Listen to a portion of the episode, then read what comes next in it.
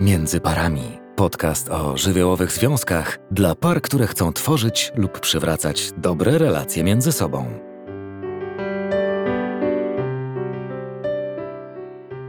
On, ona, zakochani w sobie bez pamięci, marzą o tym, by wziąć ślub i wreszcie stworzyć swoją rodzinę. Zapatrzeni w siebie nie myślą o tym, że ślub to pewien rytuał przejścia, który wiele zmienia w życiu dwojga ludzi. Nie zawsze na lepsze, choć zawsze wierzymy, że to lepsze gdzieś czeka. Z czym wiąże się faza małżeństwa? Czy jest pięknym rytuałem prowadzącym do sielankowego życia? Czy może w tej fazie czekają na parę jakieś pułapki? Małżeństwo często kojarzy się z tak zwanym i żyli długo i szczęśliwie. Jednak nikt z nas nie może zadeklarować, że przez całe życie będzie kochał daną osobę. Uczucia mają to do siebie, że nie da się ich zaprogramować. Nie da się więc zakochać i odkochać na zawołanie. Jednak to, co możemy sobie przysięgać, to fakt, że będziemy starać się pielęgnować miłość, która już jest, którą czujemy na dany moment. Jeśli obie osoby będą o to dbać, to miłość nie skończy się z pierwszym odpływem uczuć bądź z większym huraganem. Zaprasza Marita Woźne. Z tego podcastu dowiesz się, czy ślub jest w parze potrzebny, czy on, ona po ślubie się zmieni, jak wypracować nowe schematy dla związku, a nie kłócić się o stare pochodzące z waszych domów, jak zbudować związek i nie wprowadzać do niego osób trzecich, jak ograniczyć negatywny wpływ waszych rodzin na wasz związek, jak wspólnie stawiać granice teściom, jak wspierać się w trudnych momentach dotyczących waszych rodzin. Poprzednim podcaście opowiadałam Wam o narzeczeństwie jako fazie życia pary, która jest przygotowaniem do małżeństwa. Dziś chcę opowiedzieć Wam o dalszych losach, tych pięknych i tych, które niekiedy nazywamy zmaganiami w parze. Małżeństwo rozpoczyna się wtedy, kiedy jest ślub. Wiele par zastanawia się nad tym, czy ten ślub jest do czegoś potrzebny. Mówi się o tym, że papier nic nie zmienia i choć zawsze to jest wybór pary, to jednak z psychologicznego punktu widzenia oraz z perspektywy psychoterapii systemowej ważne jest to, dlaczego para zdecydowała się na małżeństwo, w jakich okolicznościach, czy czynnikiem wpływającym na to, że do ślubu dochodzi jest miłość, czy może naciski rodziny, albo presja spowodowana ciążą, wiekiem lub chęć ucieczki z domu. Takich ukrytych powodów do ślubu jest wiele. To temat na zupełnie osobny podcast, ale jeśli mowa o tym, czy papierek coś zmienia, czy też nie, to chyba warto tutaj poświęcić chwilę właśnie na to. Czy ślub jest nam potrzebny? Otóż wyobraźmy sobie parę, która od dawna żyje razem, nawet mieszkają ze sobą, mają jakieś wspólne zobowiązania, ale o ślubie nawet nie myślą. Dlaczego? Mówią, że jest im to niepotrzebne, papierek tylko zmienia wszystko na gorsze, jest im tak dobrze, kochają się i nie muszą sobie niczego udowadniać poprzez ślub. Inni zapobiegawczo i bardziej wprost mówią, że jeśli nie ma ślubu, to łatwiej się rozstać. Nie ma też wtedy tylu zobowiązań i w razie niepowodzenia można wycofać się bez większych kosztów. Jednak czy aby na pewno tak jest? Nie oceniam decyzji pary, jeśli chodzi o ślub, jednak zawsze zwracam na to uwagę w gabinecie. Uważam, że decyzja należy do par, jednak dobrze jest wiedzieć i rozumieć, dlaczego taką decyzję się podejmuje. Zarówno tą o ślubie, jak i tą, dlaczego tego ślubu nie chcą. To zawsze trudny temat, jednak moje doświadczenie pokazuje mi, że zwykle, nie mówię, że zawsze, ale bardzo często za tą decyzją i kategorycznym nie potrzebuję tego papierka stoi coś więcej. Gdyby jednak ślub był bez znaczenia, ludzie nie decydowaliby się na niego. Prawnego punktu widzenia jest być może tylko umową cywilnoprawną, mającą skutki majątkowe, finansowe czy administracyjne. Bez względu na wiarę, bo nie zamierzam jej tutaj rozpatrywać, ale z punktu widzenia psychologii decyzja o ślubie lub jego braku ma znaczenie dla dalszego funkcjonowania i tworzenia rodziny. Ma jakieś uświadomione, czasem nieuświadomione podłoże, a to powoduje, że przekłada się na dalsze losy pary. To jest moment, w którym mówimy tak drugiej osobie bez względu na wszystko. Wahania i niepewności co do tego tak sprawiają, że nuta niepewności zawsze zostaje. Wiąże się to z, często z tym, że unikanie tej deklaracji sprawia, że dajemy sobie margines bezpieczeństwa. Trochę na zasadzie, jak będzie źle, to się łatwo mogę z tego wycofać. Kiedy tak łatwo wycofać się nie można, bo jednak kwestie rozwodu są dość skomplikowane i problematyczne, to para jednak może mieć więcej motywacji do ratowania związku niż szybkiego wycofania się z niego, kiedy można się spakować i zwyczajnie się rozstać bez tych wszystkich formalności. Na poziomie emocjonalnym znów nie jest to takie proste, ale temat jest wart pochylenia się i przeanalizowania, by rozumieć skąd są nasze decyzje i dlaczego. Być może odkryjemy przez to coś, co w ogóle nie pozwala albo nie pozwalało nam się angażować w związki miłosne i co chroni nas przed pełnym emocjonalnym zaangażowaniem. Po ślubie się zmieni. Kwestia ślubu pociąga za sobą jeszcze jedną trudność. Niekiedy którejś osobie z pary wydaje się, że po ślubie będzie inaczej. Ktoś myśli sobie, że dzięki mnie on, ona będzie inny, inna, ja pomogę, naprawię, zmienię. Nie pozostawiajmy złudzeń. Druga osoba się nie zmieni. Nie mamy na to wpływu i dobrze jest sobie to na początku odpuścić. Trzeba sobie jasno powiedzieć, że ceremonia ślubna nie uleczy relacji, nie sprawi, że sam fakt ślubu wpłynie na parę i magicznie spowoduje, że losy skonfliktowanej pary się odmienią. No i będzie jak w bajce, że żyli długo i szczęśliwie. Nie sprawi też, że czyjeś cechy, które trudno nam zaakceptować, znikną, albo ktoś postanowi to zmienić dla nas. Niewątpliwie rytuał ślubu jest ważny, ponieważ rozdziela jakiś okres w życiu i sprawia, że jest inny poziom świadomości i zaangażowania osób, które w tym rytuale biorą udział. Małżeństwo jak z bajki.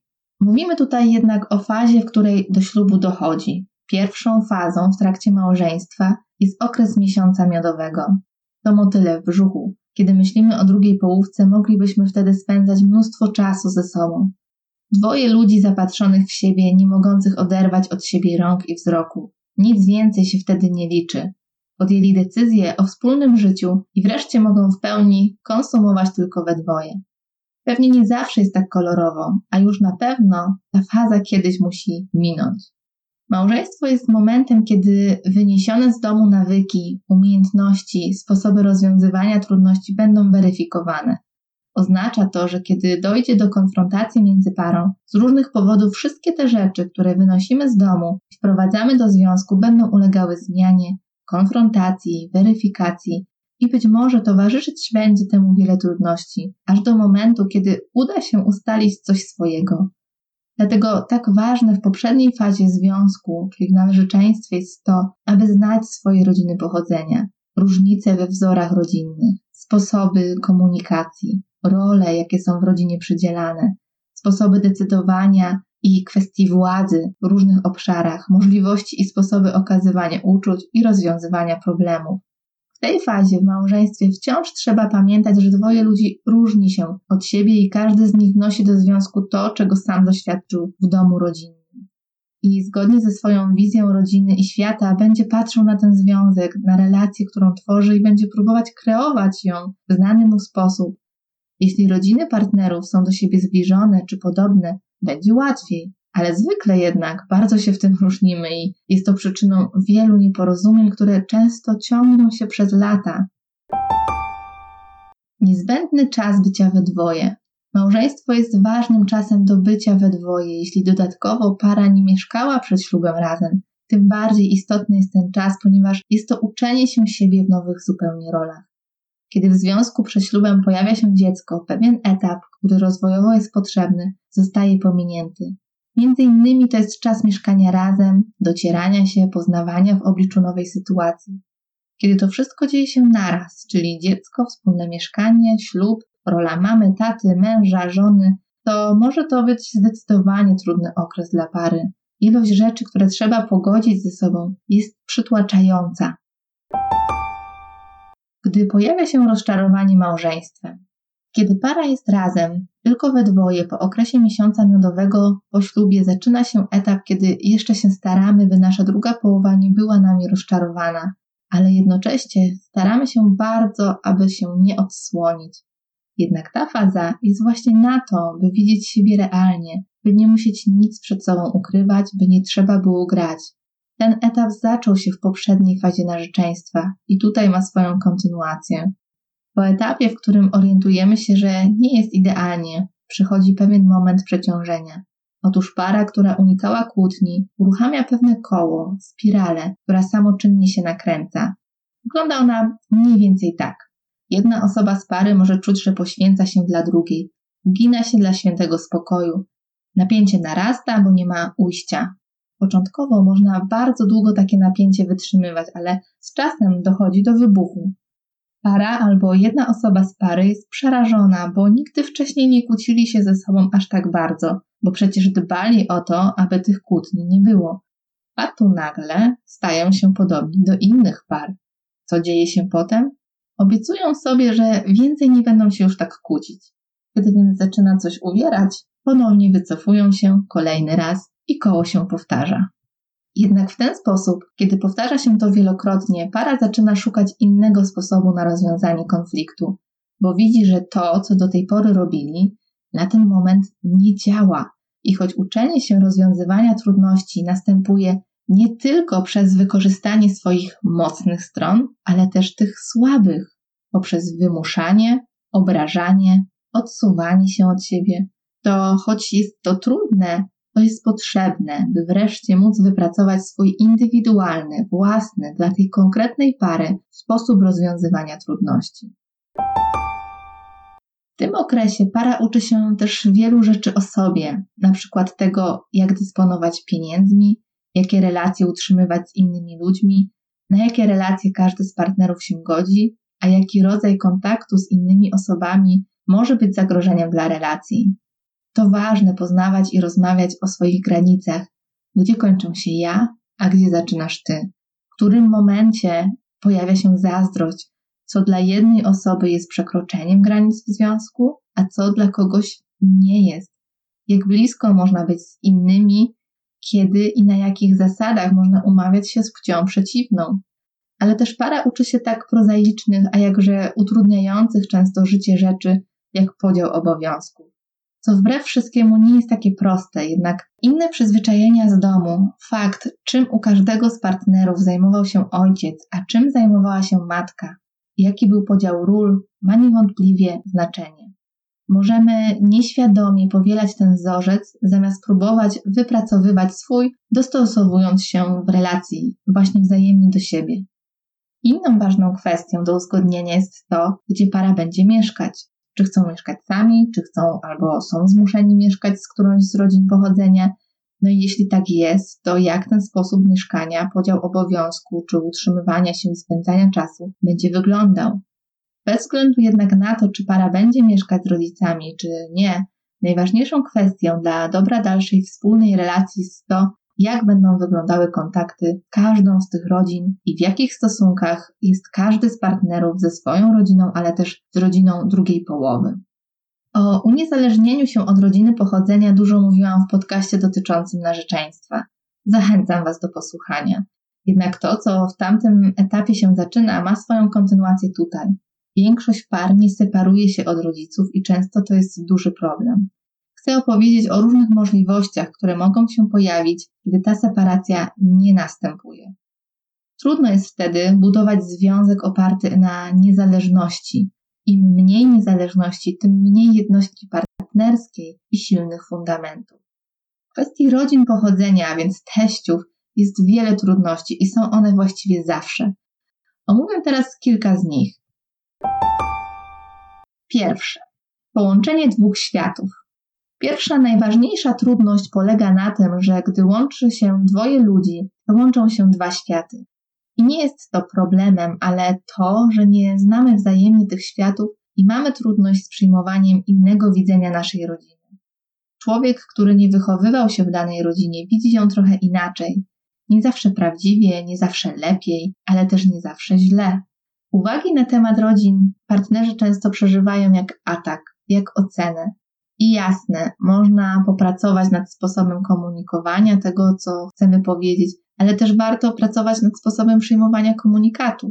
To sprawia, że zarówno jedna, jak i druga strona może pracować nad tym, by komunikaty nie niszczyły związku. Można też przyjąć, że człowiek, który wchodzi do rodziny, widzi też niektóre rzeczy szerzej, bo jest z boku. Wiele z takich komunikatów nie jest przyjmowanych w związku. Na przykład para, która zawarła związek małżeński, czuje się ze sobą wspaniale, dopóki któraś ze stron nie zacznie mówić czegoś krytycznego na temat drugiej rodziny. Po drugie, wspólne stawianie granic teściom.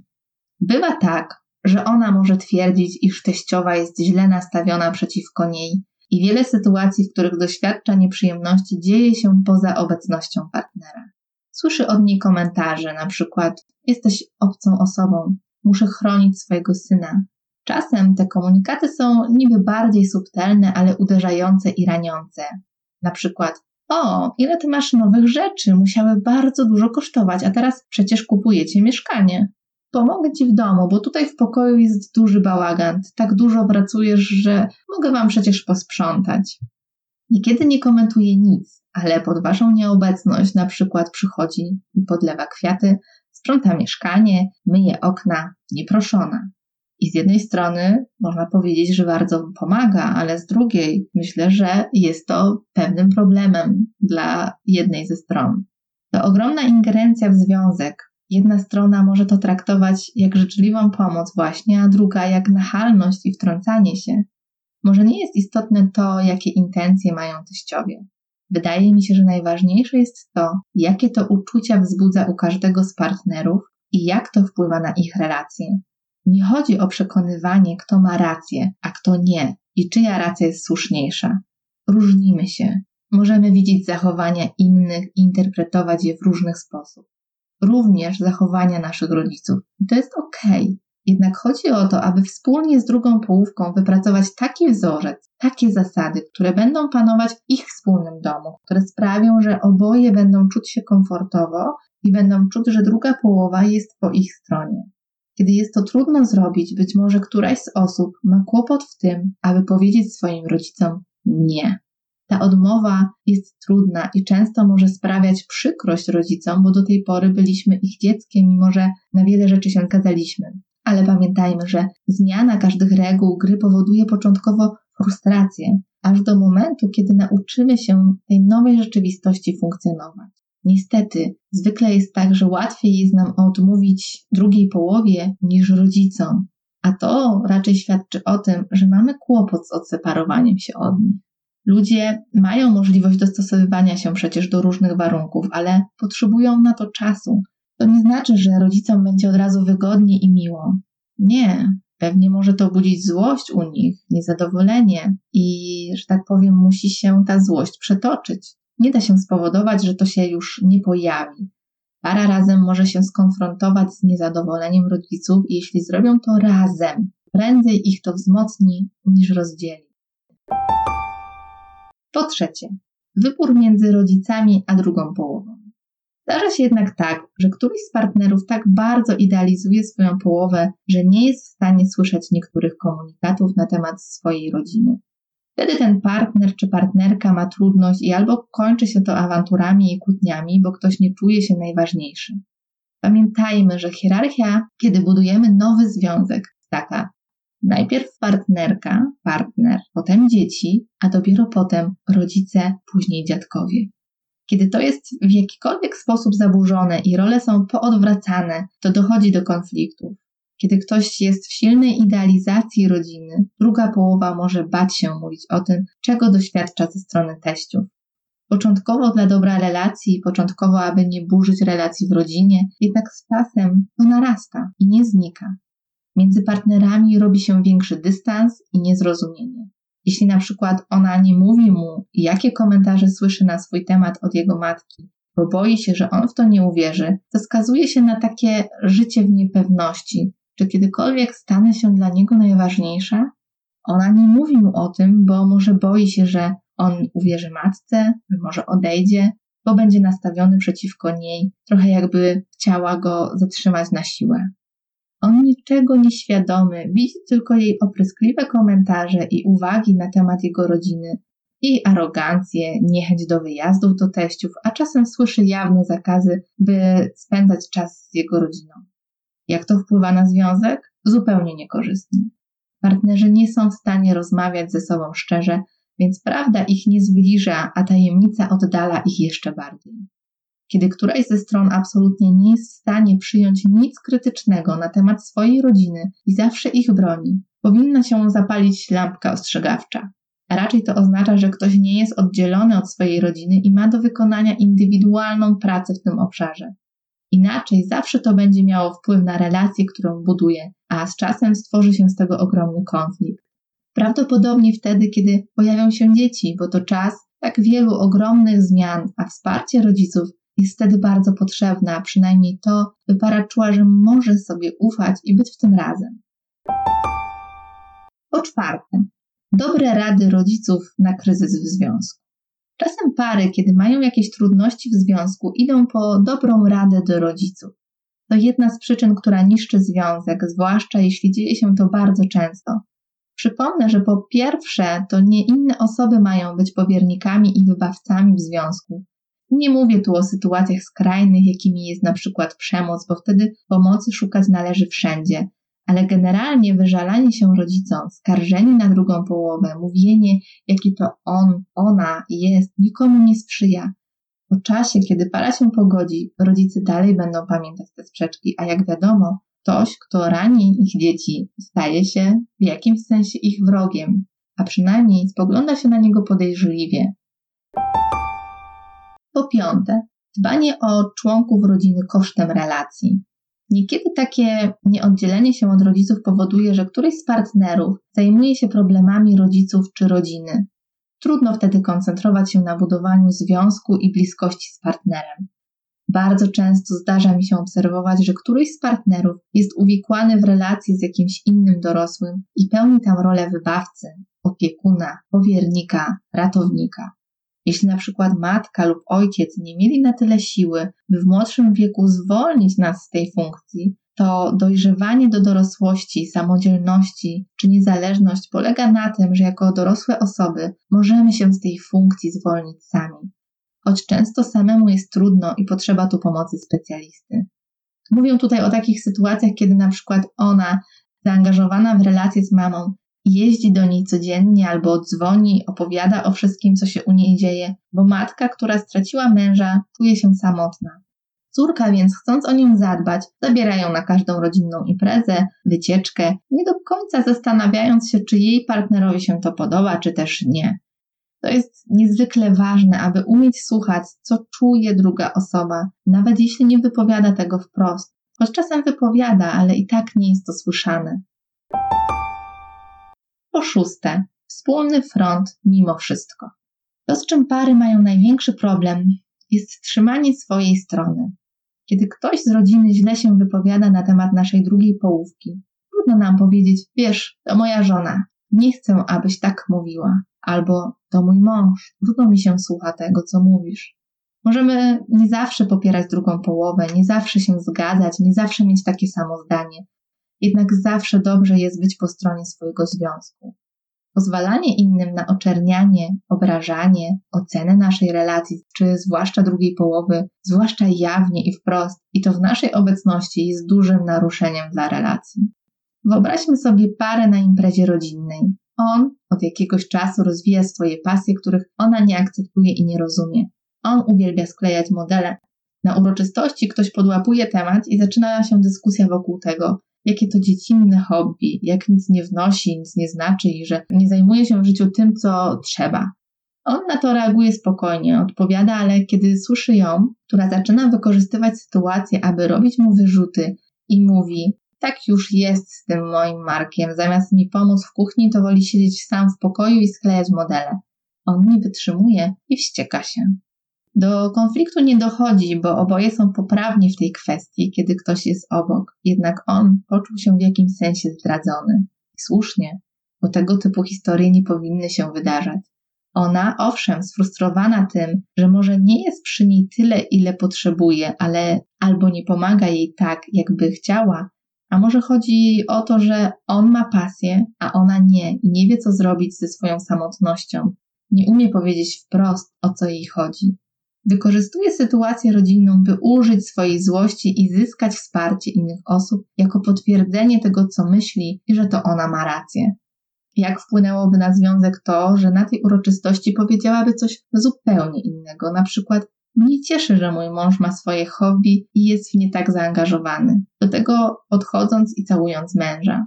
W domu jednak mogłaby powiedzieć mu, że pokaż mi, jak się to skleja, te twoje modele, a później pogadać o tym, co dla niej jest w tym trudnego, że nie ma go obok, kiedy ona tego potrzebuje. Inne zagrożenia. Są jeszcze inne sytuacje, które mogą być rozpatrywane jak zagrożenie dla małżeństwa. Jednym z nich jest doświadczenie jakiejś ważnej straty tuż przed małżeństwem. Czasem wtedy w nowej relacji chcemy doświadczyć czegoś, co niedawno straciliśmy. Inną kwestią jest na przykład chęć wydostania się z domu. Nie zawsze to jest na poziomie świadomym, to znaczy nie zawsze taka osoba mówi sobie: OK, to teraz znajdę sobie męża, żonę, aby móc opuścić dom. No tak się nie dzieje, jednak dzieje się to dość często, że na takim nieświadomym poziomie szukamy jakiegoś wybawienia z domu rodzinnego. Zwykle w sytuacjach, kiedy relacje rodzinne w domu pochodzenia są trudne, skomplikowane, ktoś doświadcza bardzo krzywdzących rzeczy i w małżeństwie może widzieć jedyną drogę ucieczki. Często w takich sytuacjach to droga w te same sidła. O kwestiach mezaliansu mówiło się w innych epokach, niby, ale jednak do dziś spotykam w gabinecie pary, które doświadczają trudności w związku z tym, że rodziny się nie akceptują, bo pochodzą z różnych środowisk. I znów to może parę dzielić, ale też bardzo zbliżać, jako wyraz jednoczenia się przeciwko komuś. Trudnością dla małżeństwa może być też fakt, że mieszkają razem z teściami, albo bardzo blisko nich, bądź bardzo daleko, co utrudnia im otrzymywanie pomocy i wsparcia. Podobnie jeśli któryś z partnerów ma bardzo złe relacje z rodziną albo rodzeństwem. Wspomniałam już o kwestiach finansowych, o tym, że zależność finansowa od rodziny jest i dużym wsparciem, ale też dużą trudnością. Jeśli para nie dąży do usamodzielnienia się, to z czasem z tego powodu może zrodzić się wiele trudności. I ostatnią kwestią jest ciąża. Należy pamiętać, że kiedy pojawia się przed świadomą decyzją na bycie razem, może komplikować wiele spraw, choćby z tego powodu, że nakłada się wiele zmian naraz. Jeśli para nie ma możliwości doświadczenia bycia tylko we dwoje, razem, poznania się, to ciąża sprawia, że będą musieli włożyć bardzo dużo wysiłków w to, aby zadbać o dodatkowy obszar nieporozumień i trudności. Wszystkie te sytuacje, które opisałam, kiedy są nierozwiązane, powodują, że zbliża się wypalenie związku. Ono powoli, cichaczem nadchodzi, niby niespodziewanie, ale tak naprawdę czyhało już od dawna, może od samego początku. I niekiedy podjęcie terapii sprawia, że te sprawy można ułożyć i wyprostować przy gotowości obojga partnerów, a niekiedy nie jest już to możliwe, bo może ktoś przekroczył wewnętrznie już taką granicę, że już więcej nie jest w stanie. Wniosek jest więc taki, że para wychodząc z domu musi zwrócić się ku sobie i pogodzić się z utratą czegoś, bo każda zmiana wiąże się z tym, że coś zyskujemy i coś tracimy. Każda osoba z pary ma swój dom. Budując swoją relację, muszą zbudować swój odrębny, trzeci dom i wspólnie zdecydować, jaki on ma być. Poza tym wszystkim, co zostało powiedziane, pomoże również parze uważność, która jest związana z koncentracją na drugiej osobie. Wokół tego pojęcia ważne są jeszcze inne: empatia, otwartość, zdolność do myślenia o tym, co ten drugi myśli i czuje, a także skupione bycie obok tej drugiej osoby. Aby móc lepiej przyjrzeć się różnym wzorcom, które pochodzą z naszych rodzin i temu, jak wpływa to na związek, opisałam w moim e-booku Jak kochać i być kochanym. Serdecznie zapraszam Cię do nabycia go na mojej stronie internetowej międzyparami.pl w zakładce sklep.